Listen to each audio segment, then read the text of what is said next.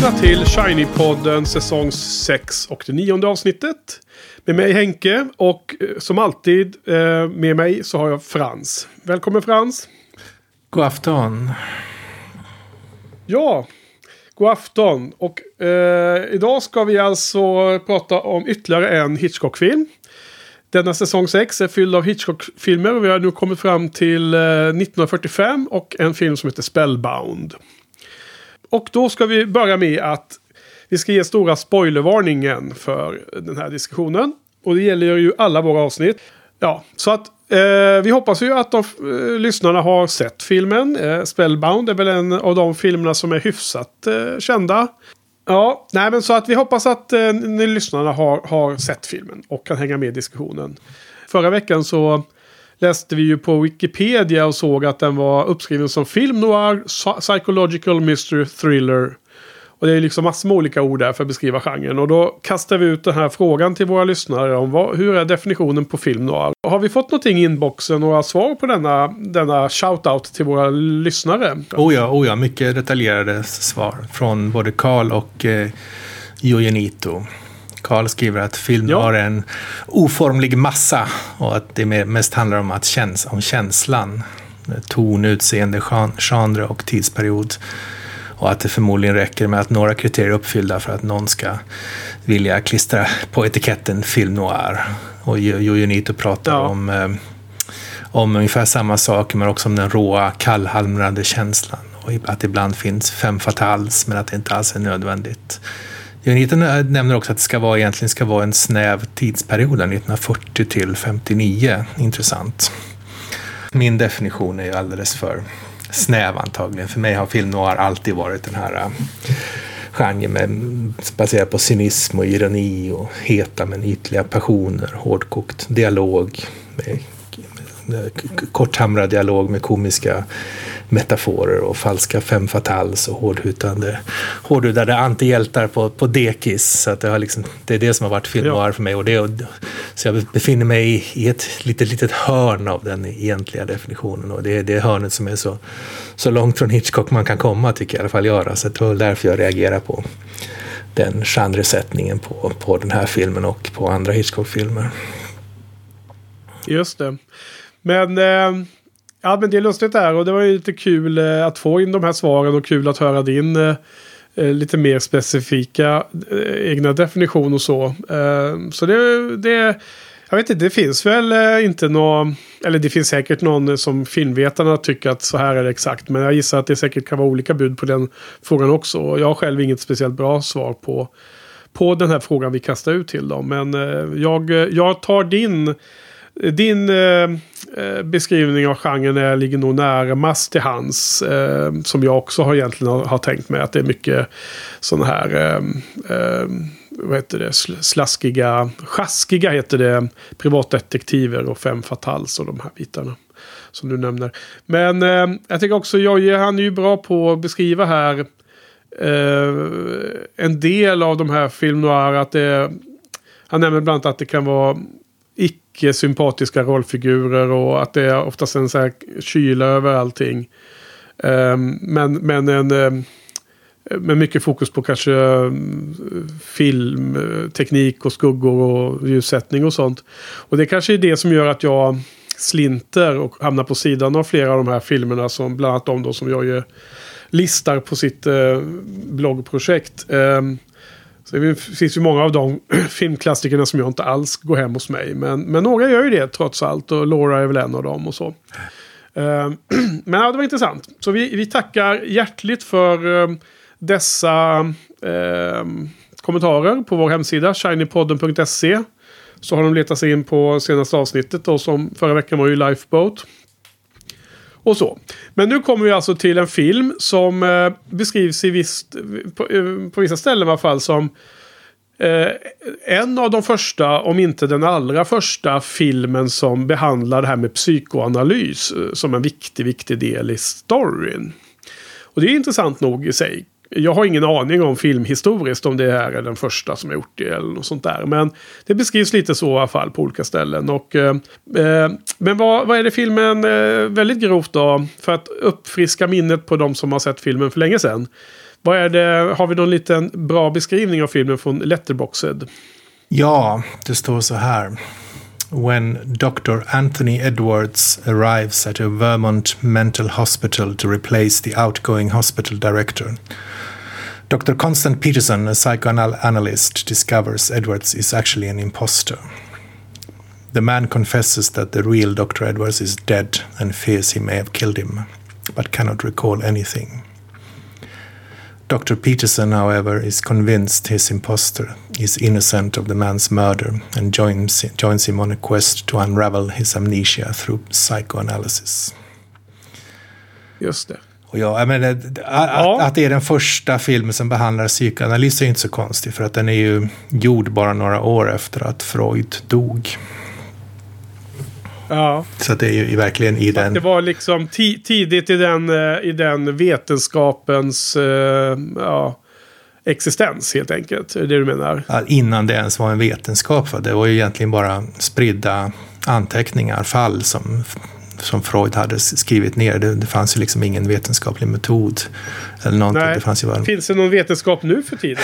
detta ämne? Eller är det bara så här på allting eller? Det, det finns en debatt som, som pågår. Jag har följt den med visst intresse men jag är ingen expert. Jag vet inte hur mycket jag ska uttala mig och riskera att missleda någon. Men det, det är fortfarande en intressant, en intressant debatt om huruvida psykoanalysen har, har något värde eller inte. Och, och i så fall Vad tror du vilket... Då?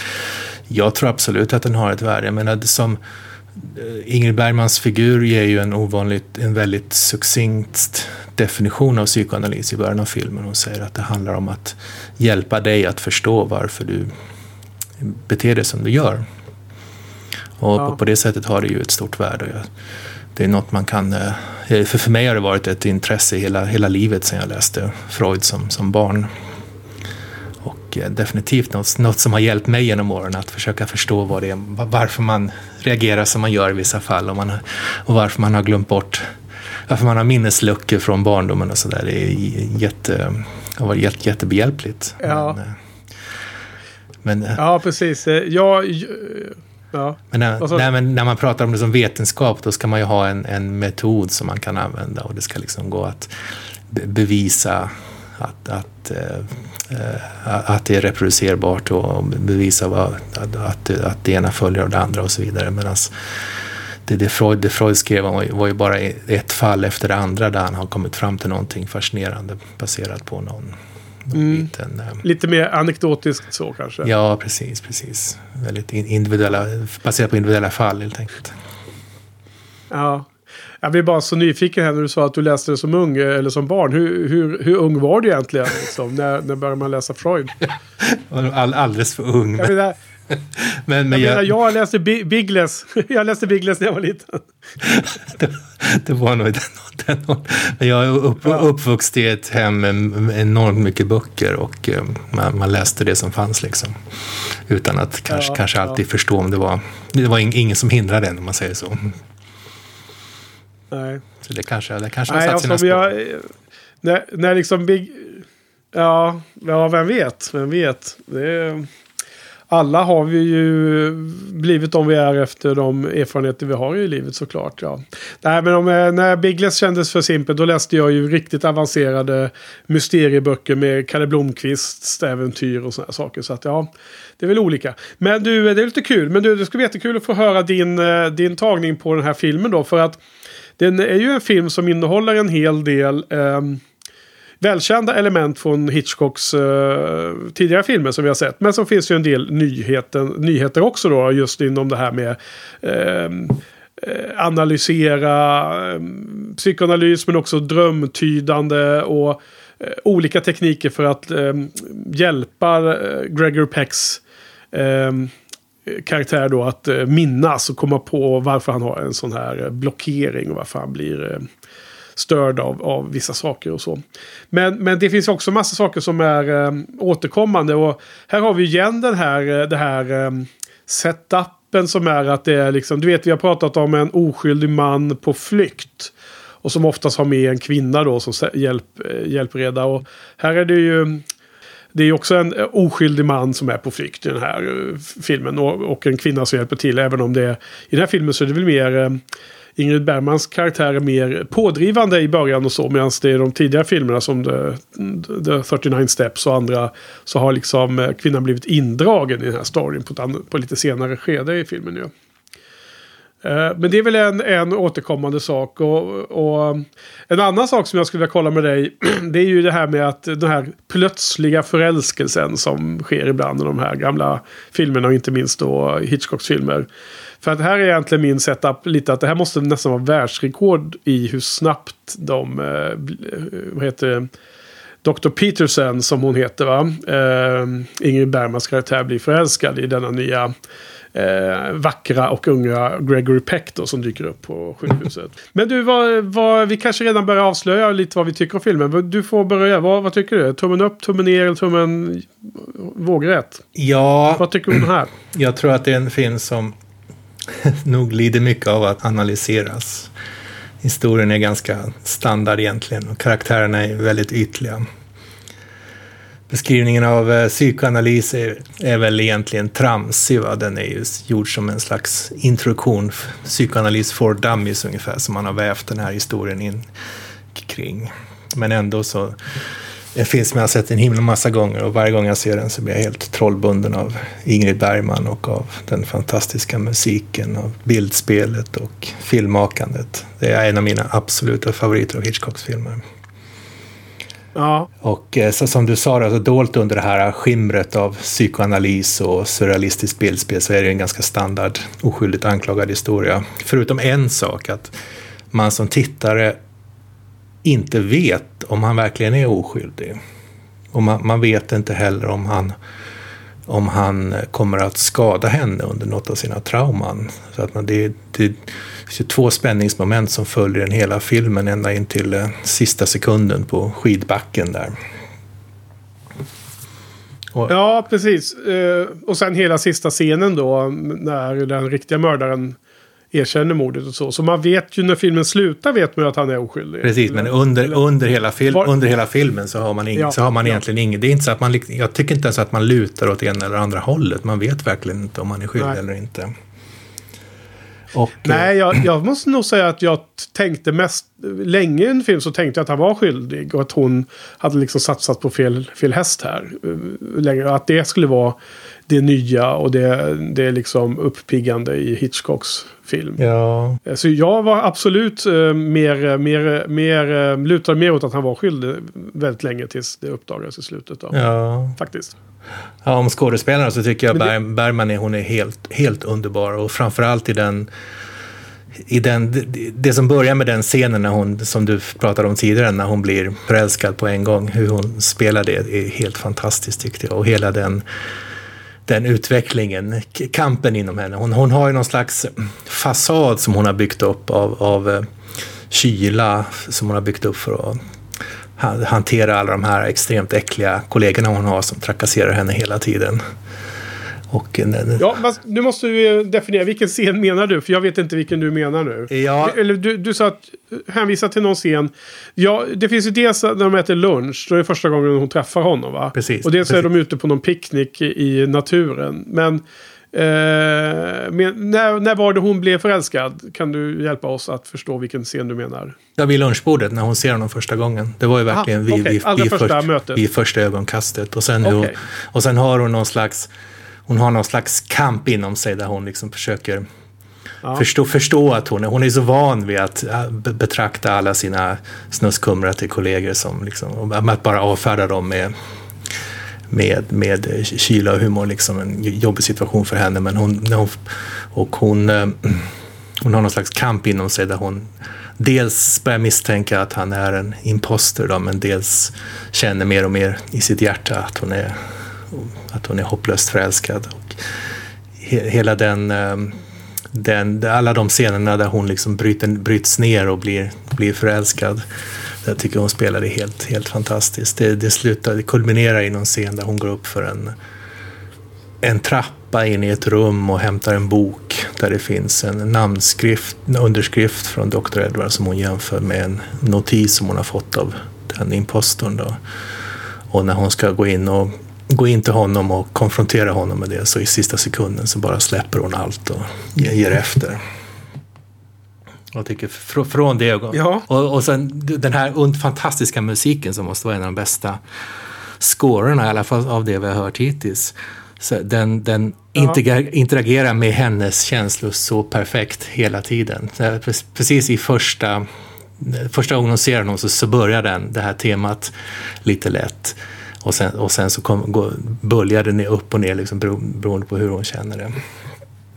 Och fr från, från det ögonblicket ja. så är man helt, helt trollbunden av filmen tycker jag. Det är som att man, man är någon slags eh, i ett grepp där. Man, man, man liksom, ingenting annat existerar förrän filmen är slut.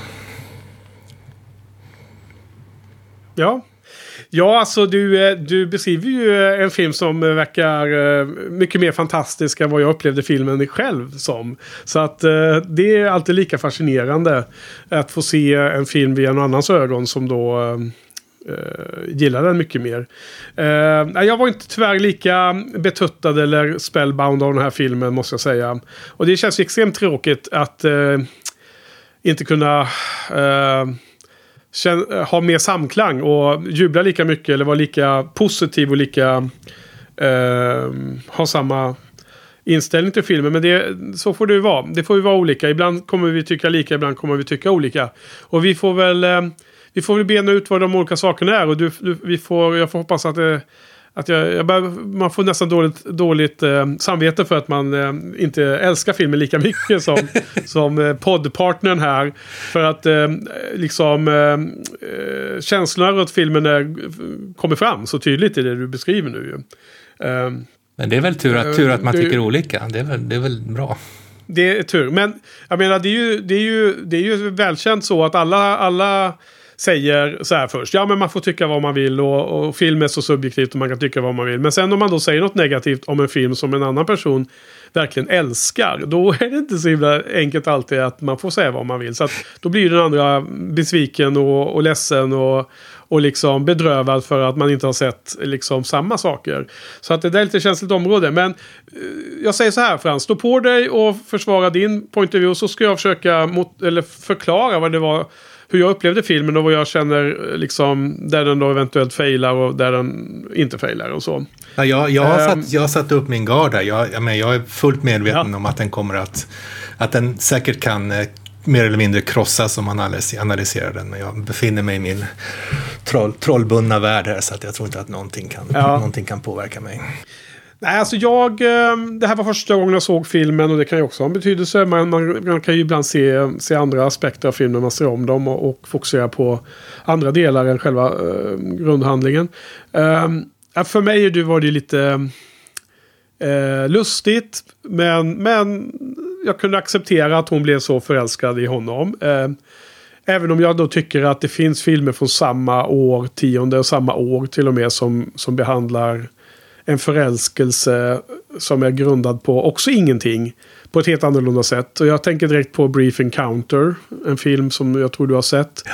Där, där förälskelsen och kärleken beskrivs på ett eh, otroligt fantastiskt sätt. Det, det, det är den filmen som jag skulle vilja kunna uttrycka lika eh, romantisk beskrivning av den filmen. Eh, jag gjorde mitt försök när jag skrev om den på bloggen och jag kommer inte ens ihåg exakt vad jag babblar om där. Men det går att gå in och läsa på min blogg om man vill se eh, Brief Encounter. En fem av fem film. Ja, och jag kände ju tyvärr inte det i hjärtat i den här filmen. Och jag tycker att eh, eh, Gregory Peck är direkt svag. Och jag tycker att eh, Ingrid Bergman är bättre än honom. Men långt ifrån så bra och så ljuvlig och så älskvärd som jag till exempel tyckte att hon var i Casablanca. I den, i den rollen hon spelade i den kända filmen. Så att jag var lite mer ljum på hennes, eh, eller på båda deras eh, insatser här. Jag tycker att eh, eh, filmen är ju... Eh, eh, Nej, jag, jag gillar den inte alls faktiskt. jag, jag, jag, var, jag var, alltså det var, det var typ det sämsta vi har sett nu på bra länge av Hitchcock tyckte jag. Och Ja, det blir helt absurt det här. Men vi, vi får försöka, vi försöka mötas i att ha, det här är nog den största differensen i hur vi har upplevt en film hittills av alla Hitchcock-filmer börjar jag inse nu. Ja, eh, räddningen för mig, vi får försöka fokusera på det bra, det är att Alltså jag var beredd att ge den 1 av 5 fram tills eh, Gregor Pecks eh, eh, Dr. Edwarders, men sen visade sig att han hette John Ballantyne, hette han ju då i verkligheten. När han kastades i fängelset och, och, och eh, allt var över, eh, då var det ju bara några få minuter kvar av filmen. Och då kom ju, då blev det plötsligt superbra scen. En otroligt eh, nervig och helt oväntad och helt omöjlig att... I stunden upplevde jag att jag inte alls visste hur den skulle sluta. Den här sista scenen när eh, Ingrid Bergmans karaktär går in och eh, konfronterar den riktiga mördaren den här Dr. Murchins, Murch, Murch, Murchison, eller vad han nu hette. Just. Han som då skulle ha slutat som chef över eh, galen, vad heter det, mentalsjukhuset. Eh, men, men som då hade mördat sin efterträdare istället för att eh, slippa sluta. Och det här med, att hon var så utsatt position. Eh, hon hade inte liksom förberett med att ringa till polisen eller skriva ett brev eller göra någonting. Utan gick ju bara in och bara liksom litade på att hon skulle klara sig ur situationen. Hon liksom körde ju psykologsnack med honom. Och förklarade för honom varför han inte skulle döda henne. Och lyckades med det då. Mm. Och sen med den här... Eh, alltså det var otroligt spännande tyckte jag. Det var som att man men hade nästan, jag hade ju givit upp helt och hållet och var liksom bara så här, what the fuck, vad ska vi säga om den här filmen egentligen? Och sen kommer den här sista scenen. Så den jackar ju upp betyget och det var ju härligt det då, så slapp man ge det nesligaste betyget, det vill man ju inte ge. Uh, till en film som du, du hyllar. Det blir ju superkonstigt. Uh, Men vilket fall som helst så uh, också jäkligt häftigt sista uh, fotograf, alltså shot i filmen, själva filmvinklarna och det. När, när den här pistolen som siktas mot hennes rygg och sen vrider upp den mot sig. Och, och eh, begår självmordet där då i slutet. Eh, och, det och, var eh, effektfullt. När vi ändå är där så är det ju en klassisk Hitchcock-effekt där som jag inte vet om vi har pratat om tidigare. Just det här när, när pistolen går av, precis då så klipper de till en helt annan mm. scen där de befinner sig någon helt annanstans och är lyckliga och har gift sig. Ja. Och just det här snabba klippet till långt senare, en epilog som är långt senare, det är någonting som är typiskt Hitchcock tycker jag. Men jag vet inte om vi har upplevt det tidigare, om vi i så fall har pratat om det. Nej, jag tror inte att vi har pratat om det i varje fall, va? Kanske. Ja, vi har ju pratat om eh, det här ljudeffekter. Bland annat när, han åker, när det åkte tåg där i The 39 Steps. När det var ett skrik och så kom det ett tåg och så kom det ut ur en, en tunnel och så. Det var lite av så här klippning med ljudeffekter. Men det var, det var liksom en lite annan variant. Det var inte exakt ja. det du menar nu va? Nej, jag menar just i sista, sista sekunderna av filmen liksom. Okej. Okay. Ja, nej. Okej, okay, men då får vi ha en spaning på det. um, men vi tar några steg tillbaks då. Uh, så här var alltså Hitchcock tillbaks med eh, David O. Selznick. Och eh, Hitchcock hade kommit på att han ville göra en film som byggde på en short story av någon författare. Vad han nu hette. Som då handlade om en eh, galen chef över en mentalsjukhus. Mm, och sen så är det nog ganska lös adaption. Men, men just det här med att det är liksom chefen då som är mördaren och som är den, den som är insane på något sätt. Um, eh, är ju själva liksom grundidén i den här filmen också. Eh, Selznick då som, som hade personlig erfarenhet av psykoanalys tyckte att det var en jättebra idé. Och eh, ville att den här filmen skulle bygga på biografiskt innehåll från Selznicks eget liv. Alltså. Så han, han, gjorde, han gjorde sig mer och mer eh, delaktig i detta. Han hyrde bland annat in sin egen psykoanalytiker, sin egen psykolog som expert åt eh, eh Hitchcock. Som Hitchcock skulle använda sig av. Lite Charles eh, Lawton-varning över det här va? Ja. Och eh, Hitchcock kontrade med att han ville ha ville Selznick, att Selznick skulle tillåta att de hyrde in eh, Salvador Dali för att eh, hjälpa till att ta fram de här drömsekvenserna. Där en av två stora sådana scener finns kvar i filmen och det är den här eh, drömsekvensen med stora eh, draperier med ögon på som en man går och klipper sönder med sax och så. Och det är ju Dali som har gjort det där. Och det finns tydligen en annan jättekänd scen som blev bortklippt då. då.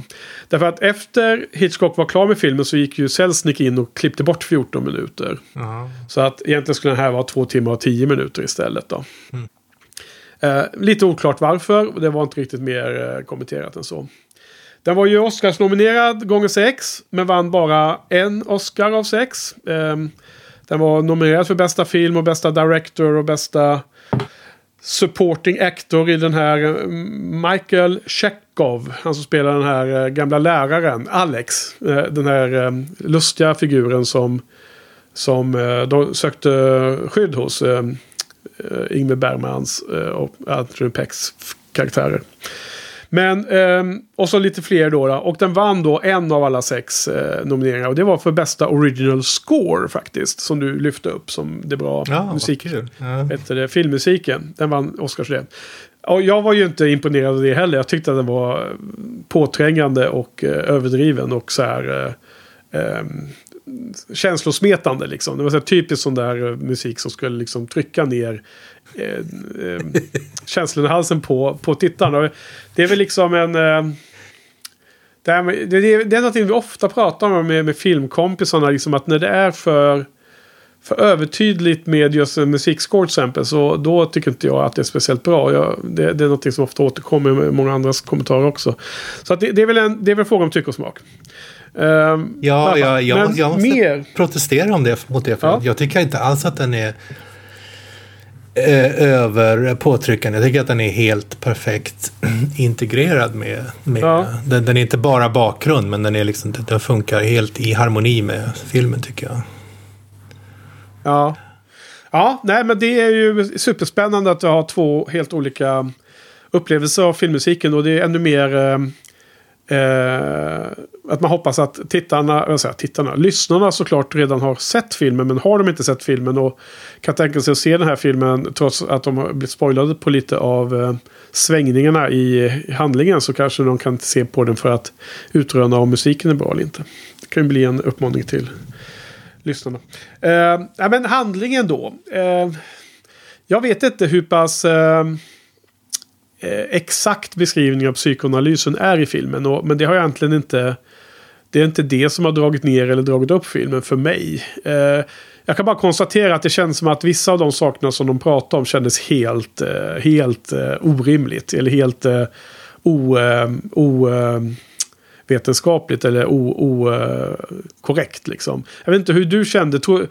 tycker de att de är ute och cyklar mycket? Eller, eller tycker du att de verkar som att de filmen eh, representerar den biten väl. Jag tycker att de, att de är, ex, jag tycker de är extremt ytliga. Som jag sa så är, känns det som psykoanalys, ja. psykoanalys för, för dummies. Men som, som jag också sa, här, den här är ju gjord bara några år efter Freuds död, död. Så det fanns ju ingen vetenskap och ingenting att, ingenting att gå nej, på. Nej, nej, nej. Absolut. Och, och eh, och det är fine. Därför att jag tyckte inte att det hade så stor betydelse för om filmen var bra eller inte. Det var bara liksom... Det är ungefär som om man ser en spännande relationsdrama där någon råkar ha ett jobb som flygmekaniker. Och sen så står han och säger tekniska termer om en flygmotor som man inte har en aning om hur den egentligen fungerar. Då har det ingen betydelse för om den filmen är bra eller inte. För det är något annat som är själva poängen med filmen. Ja, det var samma sak här. Eh, precis. Var... Eller som pokerhänderna i Rounders. De är ju också helt absurda. Men det spelar ingen roll för filmen liksom. Nej, eh, precis. Um, och och um, uh, så, såklart att det har liksom vissa... Eh, det kickar iväg vissa hand, saker i handlingen och sånt. Men det är liksom inte det, det, är inte det som, som sänker eller lyfter filmen för mig. Däremot så är det här med att, ehm, att Gregory Pecks karaktär Eh, det, det, är så eh, orimligt eh, korkat allting. Jag menar, han har alltså fått, han har alltså ett eh, trauma från, barn, från barndomen som gör att han nästan... Eh, dels att han har blivit tappat helt minnet nu, nu den senaste tiden.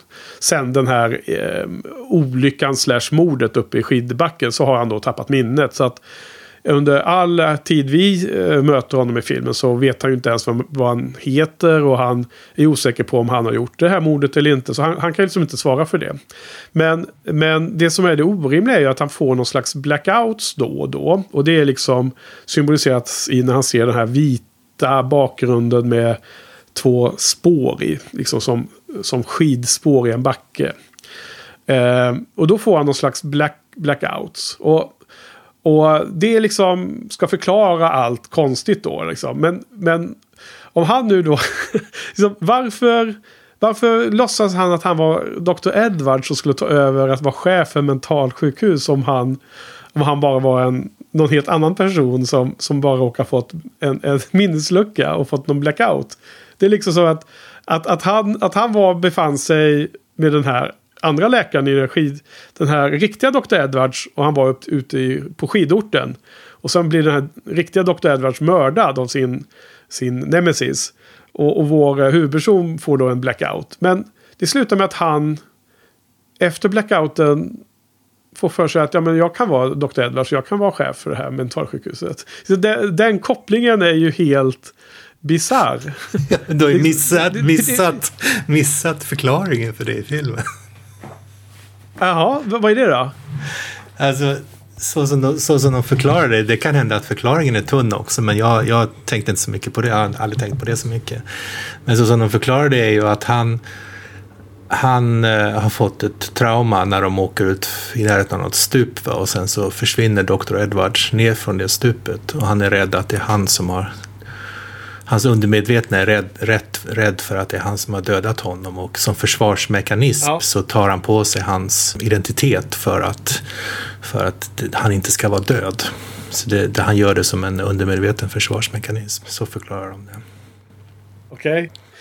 Vilket då, ja, ja, nej, det är avdelningen svag. Jag har något svagt minne av detta, men jag, jag, jag la inte märke till den, den förklaringen. Det, det känns väldigt, väldigt... Eh, eh, ja, väldigt eh, otillfredsställande i en sån här film som bygger så mycket på att utforska vem, vem han egentligen är och är han skyldig eller inte. Så är så centrala delar i det som han gör, om han nu är skyldig eller inte, helt, helt eh, knasigt.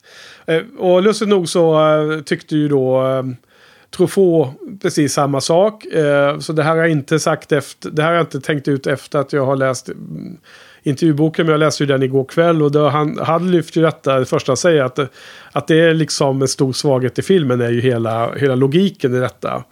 Och, och Hitchcock tycker bara, ja, det, det är liksom, vi ska inte gå in på detaljer om filmen, utan han är mer inne på det som du säger Frans, att det är liksom känslan runt de här karaktärerna som är viktiga för honom då. då. Ja. Eh, så han vill liksom inte ens gå i försvarsmål eller förklara det någonting mer.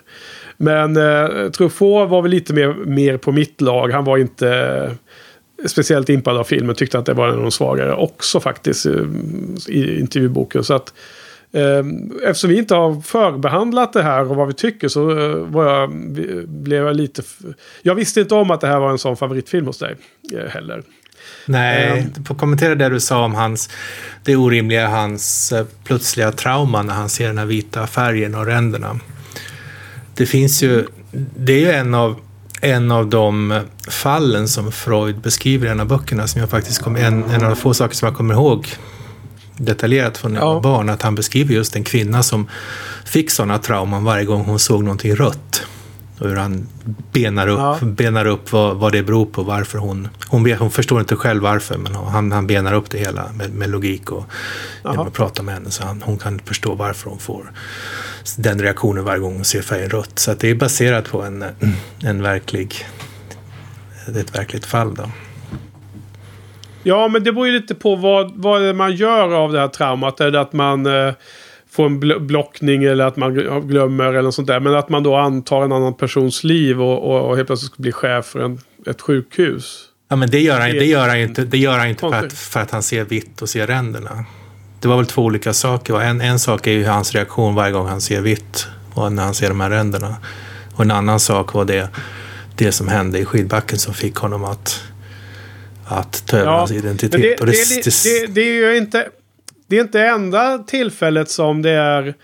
Um, då är det mer egentligen filmen. I nästa exempel är liksom att filmen använder sig av uh, en annan så här helt konstig händelse just för att skapa den här osäkerheten i om Gregory Peck är liksom en mördare eller inte.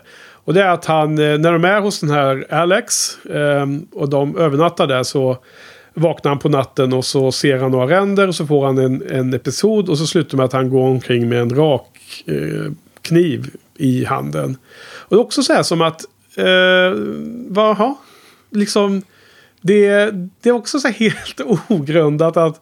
Eh, och inte, finns det någon förklaring till det? Att han reagerar på att verka hotfull mot dem. Alltså det är ju det är gjort för att filmen vill att vi ska som åskådare misstro honom och känna spänning där. Men det, det är ingenting som är grundat i handlingen att, att, det, att det var liksom på något sätt med i hans diagnos någon gång eh, förklarat eller nämnt tror jag ens att, att ja, men då kanske han kan gå omkring och se modisk ut med en kniv också. Och det är en reaktion.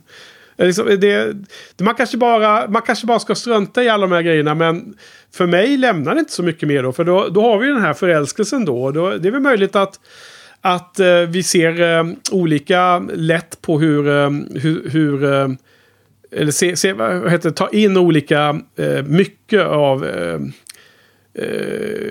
vad heter Ingrid Bergmans skådespeleri i den här rollen då. För jag, jag känner inte det som du beskriver. Det, det liksom handlar inte om vad det handlar inte om kärlek egentligen. Det handlar om om hon förmedlar det i filmen eller inte till mig som åskådare. Eh, för att jag tror inte att... Jag, jag köper inte hennes eh, snabba förälskelse. Det har vi ju klagat på tidigare och det här är liksom typ ännu snabbare.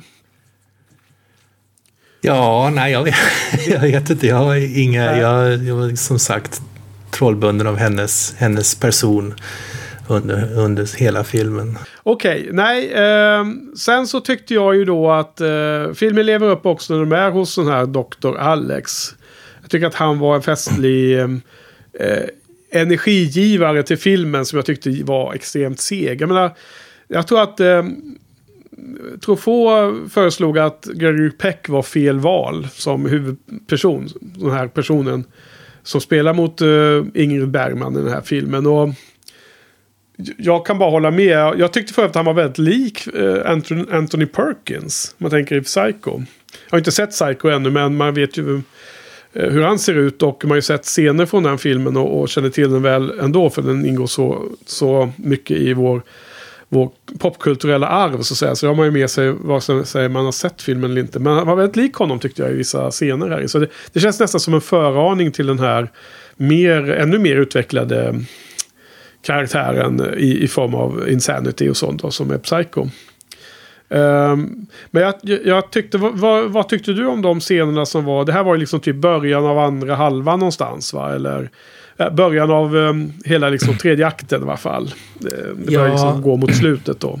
Alltså först, först om Gregory Peck då, så tycker jag inte att han var så dålig. Men hans karaktär är hon, han, karaktären försvinner ju ganska mycket i Konstances sken genom hela filmen. Och han, han försvinner också under Bergmans sken som skådespelare. Men jag tycker inte att han var dålig. Jag tyckte han han uh, var naturlig i den, i den karaktären. Han, han hade de här kostymerna som var lite för stora, så han var lite grann som ett, som ett barn nästan som togs, av, togs som hand av henne. Så han var liksom helt utlämnad i hennes händer. Och ibland så kom det fram det här um, i hans ögon någonting annat, liksom, någonting o, o, um, obestämt som man kunde tolka som ondska eller ilska eller förvildning eller vad som helst. Så jag tyckte faktiskt att han, mm. var, att han var ganska bra. Men jag, alltså med, med inom den begränsningen som hans karaktär hade. Och, eh, och den här, den här Dr. Brolov som du nämnde, det är ju en av det är också en av dem som jag tycker hon är helt, scenerna hon tycker helt, där hon är helt briljant, både som skådespelerska och som karaktär. Han har ju den här gamla gubben där som någon slags Freud-liknande karaktär med spetsigt skägg och så. Han har ju en uppsjö av absurda teorier om kvinnors svagheter och irrationella beteenden och opolitligheter. Men hon, hon, hon, bara lindar honom runt sitt finger ändå utan att han, han har minst, inte att hans, hans, han, han ens begriper vad som händer. Liksom. Hon rubbar inte hans värld men hon får ändå honom att göra precis som hon vill hela tiden. Det tyckte jag. Ja, det, men det, det är ju samspelet och det är ju dynamiken där som jag gillar också i, den, i de scenerna. Ja. Det är inte specifikt honom utan det är när han introduceras i filmen så tycker jag att det ger mer energi. Ja, precis. Och det, dels att hon, hon hanterar honom väl, men han hanterar ju också Anthony Perkins väl. Det, det är liksom... Eh, först så tror man att han är en sån där professor kalkylperson som är eh, så här eh, från... Vad heter det? Eh, tankspridd och inte märker vad som händer runt sig. Men sen har han järnkoll på att den här eh, personen är farlig då, då. Men allting är ju egentligen att han inte är farlig, visar det sig. Utan det är bara som... Man, man, man skriver bara de här scenerna för att lura publiken. Inte för att det egentligen har någon relevans för verkligheten inom filmen. Det är det, det, är det som är problemet med filmen. Att allting är bara för show hela tiden. Det är bara liksom eh, lura publik, filmpubliken istället för att göra något som är vettigt för den världen som filmen visar. Eh, men jag, jag, tycker ändå att de scenerna, däremot tyckte Truffaut att det var helt kast också. Det var liksom, det var inget, det var inget speciellt att nämna, det var inget, inget bra den biten. Så där, där eh, diffade vi oss då. Han, han tyckte att det inte var en del av det spännande. Ja, Nej, alltså jag, jag, eh, det är svårt att formulera sådana här vaga känslor. Och, ja, men du har åtminstone sett det många gånger. Eh, och jag, för mig är det allra första. Men alltså, over, alltså... Jag tycker att relationerna och känslorna mellan karaktärerna var mer science fiction och overkliga i den här filmen än Avengers Endgame. Liksom. eh, som, är, som är helt overklig i allt annat. Men eh, eh, relationerna mellan karaktärer i den filmen eh, som, som det kommer ut ur filmen känner jag mycket mer i mag, maggropen än i den här filmen. Eh, bättre än så kan jag inte formulera det på. Ja, jag vet inte. Jag, jag, tycker inte att deras relation egentligen är så central. Det, jag tycker det är hon som är central. Ja. Det, är, det är henne man liksom fascineras av och trollbinds av. Och... Ja. Och man, man skiter i om hon... Eh, eh, om det verkar helt orimligt att hon i sin tur har trollbundits av den här karaktären, Gregory Pecks karaktär. Men är det inte lite grann det som är själva poängen. Den enorma kontrasten med henne som den, som den oomkullrunkeliga logikern som, ja. som aldrig visar några känslor. Som helt plötsligt bara kastas in i den här ganska obegripliga förälskelsen som man liksom inte finns någon som helst rationell förklaring för. Men ändå, ändå så finns hon där fast. Va? Jag menar, man behöver kanske inte köpa eller förstå varför hon blir förälskad i honom för att förstå hennes fall ner i den här helt irrationella världen. I det här irrationella beteendet. Man, man ja, bara... precis. Det, det, det köper jag. Det, det, så långt är vi helt överens. Och eh, jag eh, tycker också att det är okej. Okay. hon kan... Det, det är helt okej okay att Hitchcock får ha manliga eller kvinnliga karaktärer som blir förälskade väldigt snabbt. Men jag tycker att hela resten av filmen är dåligt underbyggd och det bygger på falsarier hela tiden. Det är liksom konstiga effekter av hans amnesia och att hans episoder och eh, hur hon eh, försvarar honom i olika situationer. Då allting är konstruerat för att vi ska känna spänning på ett visst sätt. Och sen så är, är liksom konklusionen eller slut, slutet en förklaring till det i en mysteriefilm där, där själva mysteriet är en viktig del av filmen. Är helt ihåligt för mig. Det är det som är problemet med filmen.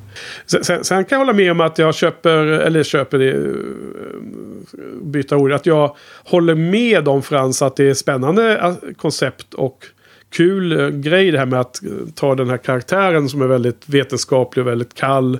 Ehm, och inte liksom ehm, van med ehm, kärleksyttringar eller vad det än kan vara. Att hon, hon är en viss karaktär i början och sen via den här förälskelsen så blir hon förändrad.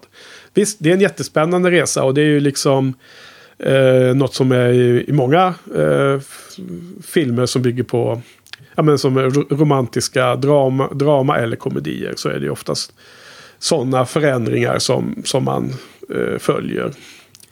Uh, såklart. Och, och, det är en spännande grej. Men, men då har vi det med skådespeleriet. Och ja, alltså. Uh, ja, jag vet inte jag. Uh, för övrigt så ville, vad, vad står det här egentligen? Casting. Uh, vad står det här nu då? Det har de diskuterat med, tydligen ville Hitchcock ha Greta Garbo. Först. Ja. Som henne. Medan eh, Selznick ville ha Joseph Cotton som vi såg i Shadow of Doubt. Som, eh, som, eh, I den rollen som Gregory Peck. Ja, ja. Nej, men eh, okej. Okay. Eh, ja, jag, jag tycker det är underbart att eh, man kan finna så olika tolkningar av en film. Jag menar, det är ju eh, fascinerande i sig och ett tecken på att Hitchcock är gör de här spännande filmerna. Men det finns ju andra filmer som är typ genererar noll diskussion efteråt. För att det liksom, finns liksom ingenting att diskutera. Det finns inte några variationer. Det finns inte något djup liksom som kan, som kan ge olika eh, känslomässiga intryck ju. Ja. På det sättet. Ja, nej, men det är väl som jag sa i början att jag, att jag var helt beredd på att den filmen kommer att krossas vid närmare analys. Men det, jag skiter i det. spelar ingen roll, ja, det spelar, ja. spelar ingen roll för mig liksom. Nej, men det, och det är också fine. Men det är det vi är till för här på podden. Så ska vi bryta ner det i sina beslut. Men jag måste bara av intresse fråga. Finns det inga sådana filmer som för dig som, som du vet är inte, som du vet fallerar på alla plan när man analyserar den, som, men som du ändå älskar?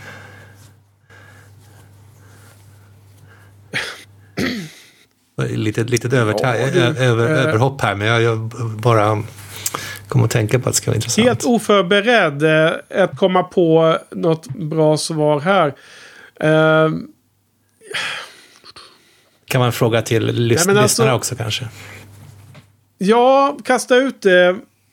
En shout-out till lyssnarna veckans hemuppgift. Kan du formulera om den? Kan du formulera den igen? Kort och koncist. Vad är, vad är uppgiften? En film som man vet fallerar på alla plan vid närmare analys, men som man ändå älskar. Ja. Men, men vi måste prata om, om grejer som är, som är bra på den här filmen också, Henke. Ja, så det ditt, blir ditt kapitel. Berätta mer. Ja, jag tycker vi börjar med musiken. För det, det var den som jag blev mest, eh, som jag är mest betagen av.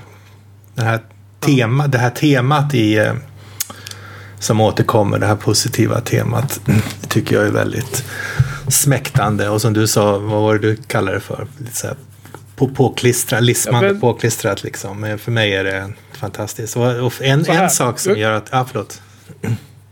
Ja, innan du förklarar hur bra det är så ska jag bara eh, sänka eh, stämningen lite med ett citat från mina notes. Citat börjar nu.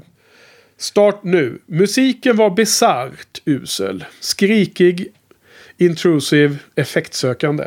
Slutcitat. Nu, berätta. Okej, okay, jag, jag, jag, ska, om du, om du accepterar det, ska jag spela temat för, för oss. Ja, jag tänkte just fråga om du har gitarren redo. Ja, det går så här ungefär.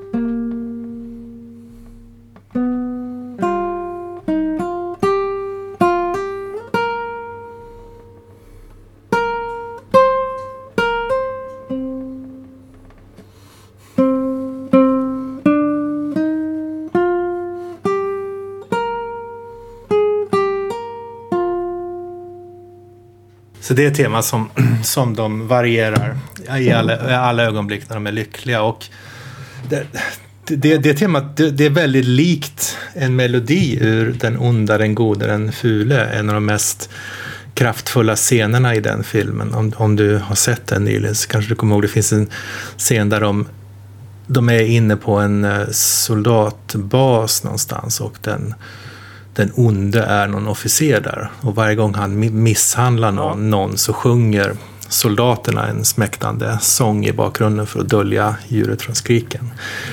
Och melodin, melodin på den, sång är, den sången är i princip samma som det här temat med lite annan, med lite annan eh, intonation bara, alltså lite annan punktering.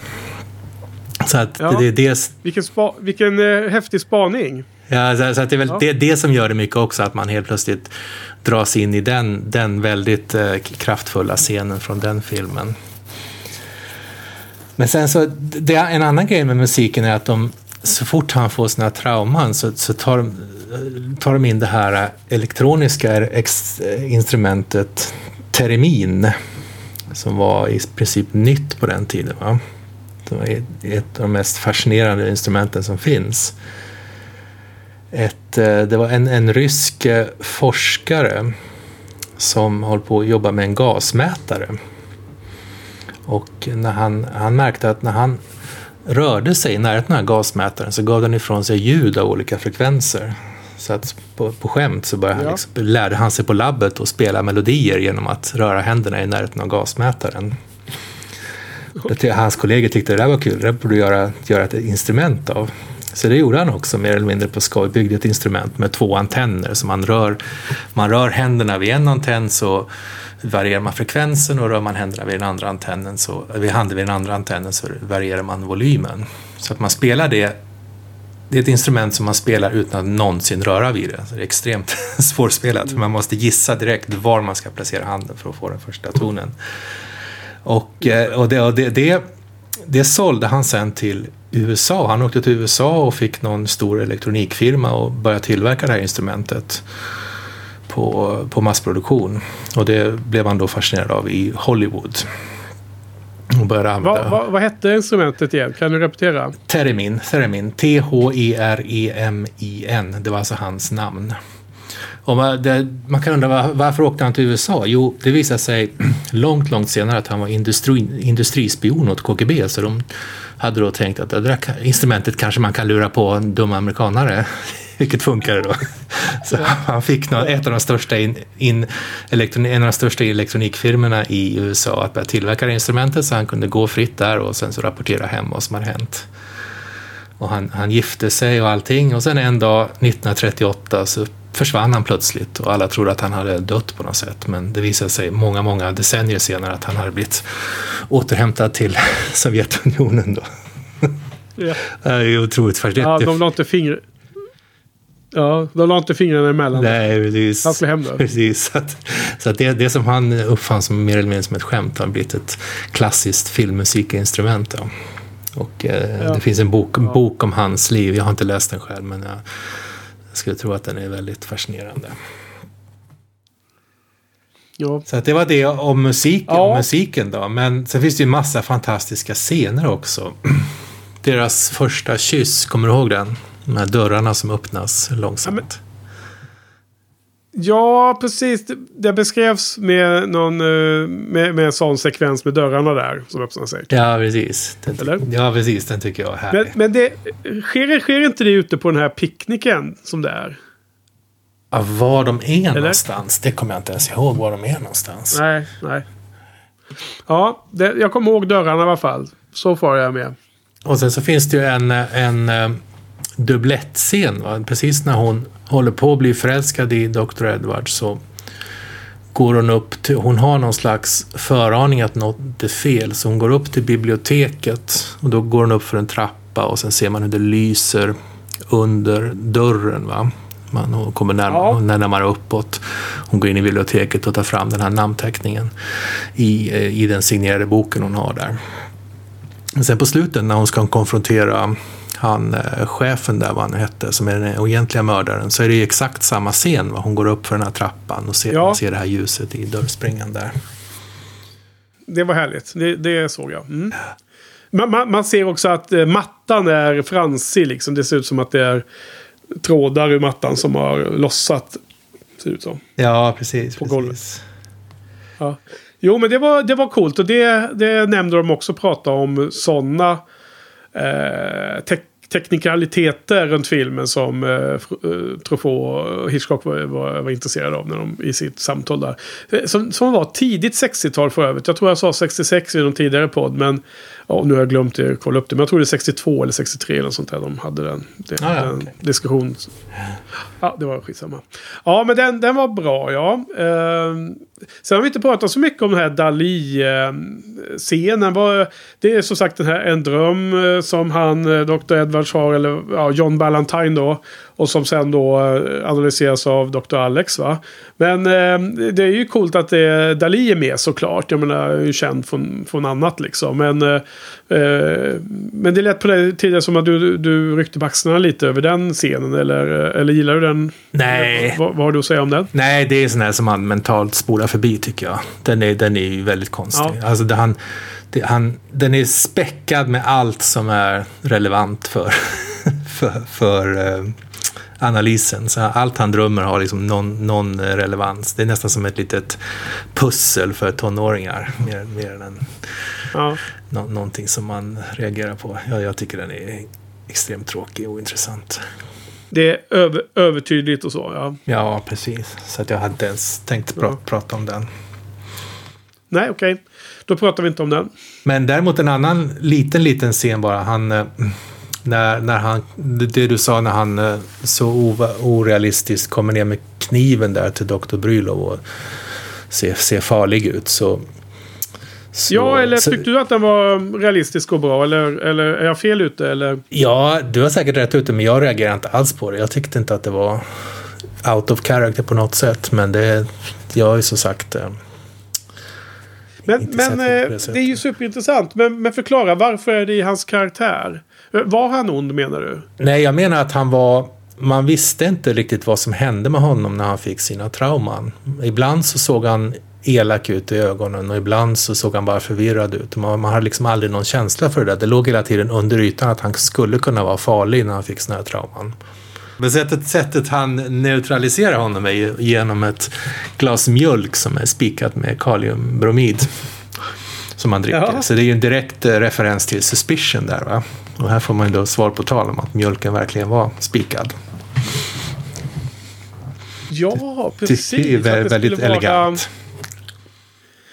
För i Suspicion fanns det inget gift i mjölken. Eh, även om Hitchcock ville det så fanns ju inte det i den filmen. Det det precis, blev. Precis, men här fick, här, här fick han... Cary Grant inte kunde vara en mördare. Precis, men här känns det som att han, han fick liksom sista, sista ordet ändå här. Men sen en annan sak som jag tycker är intressant i filmen är att de, de rör sig i tre, tre världar eller tre dimensioner genom hela filmen. De, de, befin, ja. de, befinner okay. sig, de befinner sig i det här tillståndet av omåttlig lycka, helt blinda för verkligheten. Och sen så plötsligt kastas de in i antingen i den krassa verkligheten där de, där de jagas av polisen eller i det här um, hans, hans uh, undermedvetna traumavärld. Så de kastas hela tiden mellan, mellan den här lyckovärlden in i någon, antingen den extrema verkligheten eller den extrema overkligheten. Det tycker jag också är ganska ja, ro roligt gjort. Ja men det är spännande de tre eh, perspektiven eller världarna ja. Även om den första världen där är väl min kommentar att eh, vi ser inte jättemycket i hans sida av den här förälskelsen. Utan det är snarare Ingrid Bergmans eh, förälskelse som presenteras i filmen. Ja, Hennes men det, det, är det som har varit min poäng hela tiden. och det är därför, det är därför jag inte köper riktigt att en sån som Joseph Cotton, som förmodligen hade varit en mycket starkare karaktär, att han skulle ha funkat i den här rollen. Jag tycker att. Gregory Peck som den här lite... Äh, angående castingförslag där. Ja, ja precis. precis. Jag tycker Gregory äh, Peck, den här tafatta äh, figuren, funkar perfekt. Ja, det, det, jag håller helt med. Det var ju Selznick som ville ha Joseph Cotton, Dorothy McGuire och Paul Lucas för Gregory Pecks, Ingrid Bergman och eh, han Tjechovs mm. roller. Medan Hitchcock ville ha Greta Garbo för Bergmans roll och Joseph Cotten så spelar den här onda, Dr. Murchison. Murchison. Så att eh, det står... Eh, Uh, inte exakt vem... Ja men då ville väl Hitchcock ha Gregory Peck då. Får man utgå från. Det blev väl hans val på den. Ja. Ja, eh, jag tyckte det var en lite rolig grej. Jag kommer inte ihåg exakt var någonstans i filmen det hände. För jag har flyttat om i mina notes här lite och lagt dem på olika ställen. Men det finns en lustig scen när... Eh, jag ska se vad, vad det står någonstans. Eh, vad har jag skrivit det? Jo, alltså jag tror att Ingrid Bergmans karaktär omfamnas av... Eh, ja, Gregory Peck då gissar jag. Jag har fast inte skrivit upp vilken scen det är. Men då säger hon i alla fall no. Och det står no på subtitles. Eh, men hon säger ju egentligen nej, hör man. jag, jag ja, ja, precis. precis. Hon. Hon, hon, säger på svenska nej, men det står någon ja. översättning. Eller på engelska subtitles. Så att det är lite lustigt. Lade du märke till det? Lilla ja, ja, ja, visst. När du säger det, absolut. Ja, den är härlig.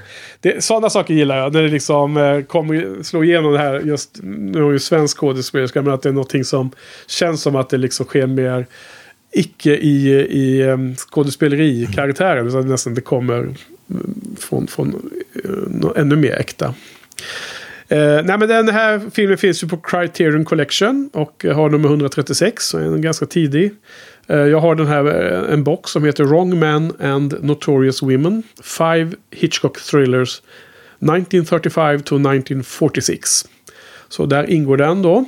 Och eh, även nästa film som vi ska se eh, ingår i den här boxen. För att det är väl Notorious som kommer upp nu tror jag. Som nästa film nämligen. Detta fantastiska. Eh, så vi börjar närma oss riktigt tunga titlar. Ehm, men innan vi ska prata om nästa vecka och så, så ska vi eh, också... Vi måste ha våra vanliga spaningar här lite. Va? Ehm, jag har i alla fall skrivit ner några. Vi har ju det här med McGuffin. Har vi det eller? Har vi någon sån i filmen? jag har ingen som helst aning. Nej, alltså jag, jag tycker inte det. Men, men jag har sett att, att det hänvisas på nätet igen då att liksom hans, eh, hans eh, så här blackouter, hans eh, psykologiska block är en McGuffin. Men mm, jag vet inte, jag tycker att det är ganska viktigt för åskådaren också. För det är hela poängen med filmen. Så att jag, jag svarar ju nej på den frågan. Men, men jag kan säga att det finns på nätet andra spekulationer. Sen har vi då Jojjes eh, spaning om höga höjder. För övrigt så måste vi, eh, glömde nog nämna det, men hade, eh, jag hade en kul eh, kontring på det här med höga höjder från Lifeboat. Om vi gör en snabb avstickare. Eh, och där fanns det inga höga höjder för vi befann oss på havets eh, yta hela filmen igenom. Men precis som man skriver där så är ju havet å andra sidan flera tusen meter djupt där ute i Atlanten. Så att på det sättet kan det vara en sån här hisnande känsla om man är på en liten, liten båt på havets eh, eh yta. Så det är ju helt korrekt. Det är, det är en känsla som jag själv har upplevt faktiskt när jag seglade över Atlanten ju. Där, våren 2000. Och när man helt plötsligt började tänka på hur djupt det var under. Och man inte hade sett land på flera, flera dagar. Då kändes det faktiskt som att det var väldigt djupt. Liksom det, det var en annan känsla än, att, än den känslan att bara veta om att det är djupt. Veta det rationellt sett eller liksom intellektuellt sett så fanns, blev det förstärkt eh, upplevelse i, i magen. Så att det var, var, hade Jojje eh, helt korrekt. Eh, det var självupplevt. Men i det här fallet då, hög höjd. Kan vi tänka efter nu då en sekund? Finns, finns det något här? Ja, det är inte höga höjder, men, det, men det, är ju, det, det är ju stup i skidbackar och sådär. Ja, exakt. Och nu ska vi inte prata om eh, förälskelsens eh, höga höjd. Att man känner som att man flyger upp som en, eh, som en duva i himlen liksom. Och det är långt ner, eller hur? Utan, utan här har vi ju inget, inget, inget sånt där det finns ett sånt kameraperspektiv som Hitchcock jobbar med. När han ska filma liksom en hög höjd uppifrån eller nerifrån tycker jag inte finns här. Men däremot har vi det här stupet då som, som har en, en del i handlingen. Där de åker Eh, åker skidor mot det här stupet. Eh, så det var det närmaste vi kom ju. Och eh, den här scenen, du kommer ihåg scenen när eh, Ingrid Bergman och eh, eh vad heter han, Gregory Peck åker skidor ner mot stupet. Du kommer ihåg scenen va? Ja, det är klart. Ja, och kameran eh, visar väl lite från uppifrån så att säga. Så man, man får en överblicksbild att här åker de, här är det snö och helt plötsligt är det ingen snö längre. Och det är ett stort stup där. Är det liksom, finns det någon annan jättekänd inledningsscen som du eh, kommer att tänka på när du har sett den där? Eller ja, det sätter dig på pottkanten här. Men jag, jag, jag tänkte direkt på inledningen av Bond-filmen, Älskade spion. Jag tänkte säga att det var någon, någon Roger Moore-film. Jag är inte så bekant med just Roger Moore-filmerna. Nej, det är ju Roger Moore, helt, helt sant. Och det, han åker så. Och det är fight mot andra och de kommer närmare ett stup. Och sen åker han ju rakt ut över stupet.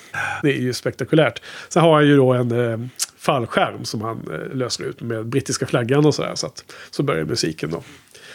Eh, men, men är, det, är, det ytterligare, är det ytterligare en, en äh, återkommande spaning då som vi ska ha på vår lista?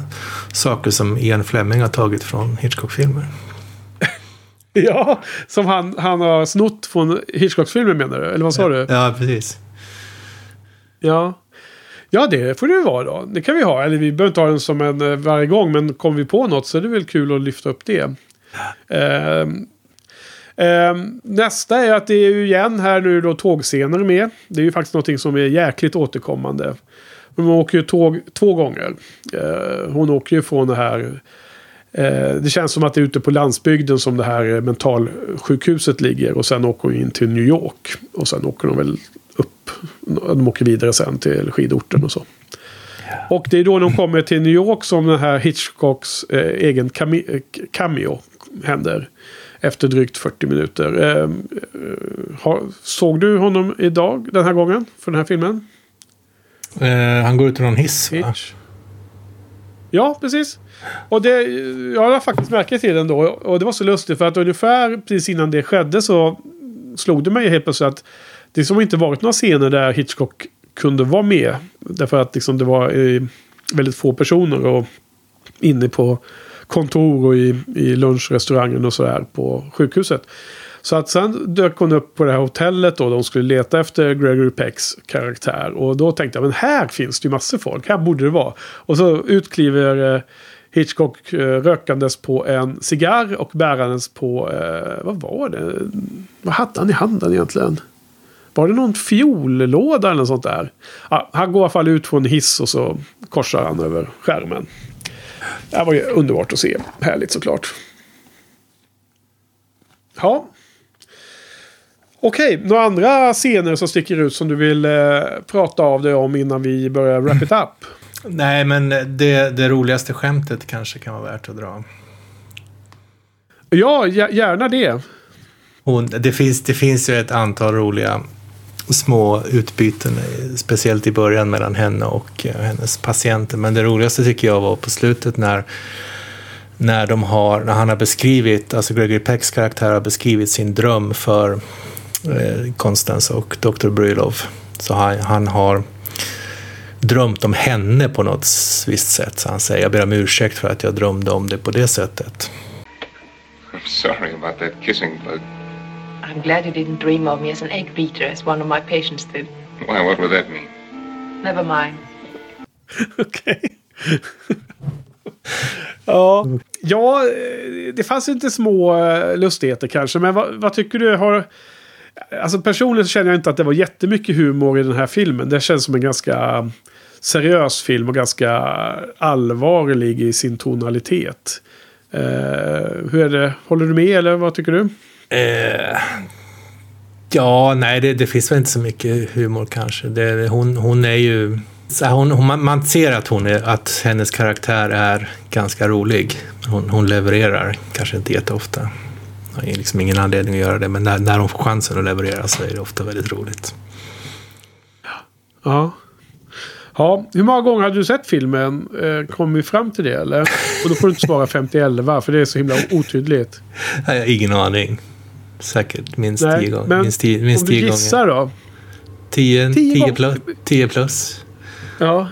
ja. Det är lustigt alltså för det är ju väldigt få filmer som jag har sett så många gånger. Det skulle vara Serenity då. Från 95. Ja, men under ett långt liv. Det är en, en gång var tredje år i snitt kanske. Det är inte så mycket. Ja.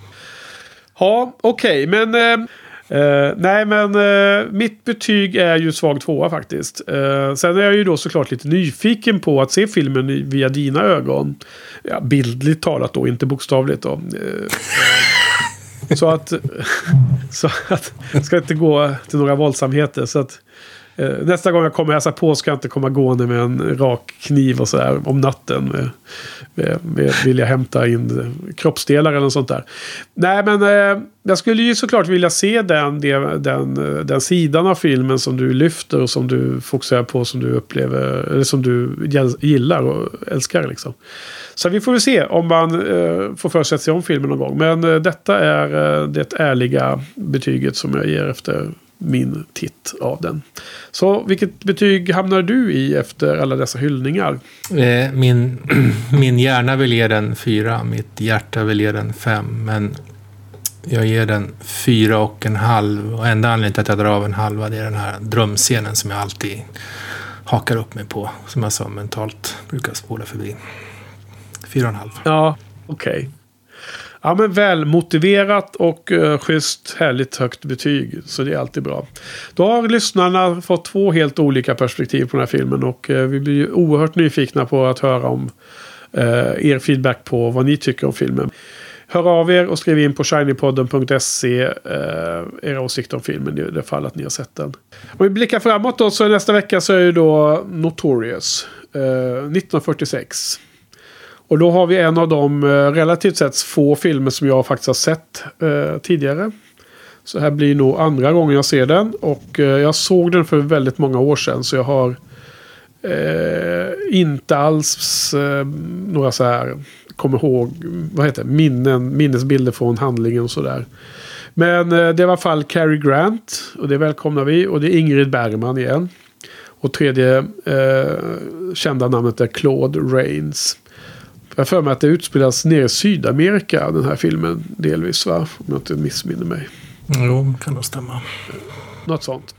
Och, eh, och du har också sett filmen förstås. Eh, är det här också en film du har sett många gånger, eller? Eh, oh ja. Ja, vad bra. Vad spännande. Eh, för det är för nästa gång då. Ja. Ja. Och innan vi avslutar ska vi tacka Niklas. Niklas, Niklas Lundqvist för vår signaturmelodi. Som han har gjort. Och så hörs vi nästa vecka. Eh, på måndag nästa vecka och pratar om filmen Notorious. Så tack för ikväll Frans. Tack Henrik. Tack till publiken och på återhörande. Adjö. Adjö.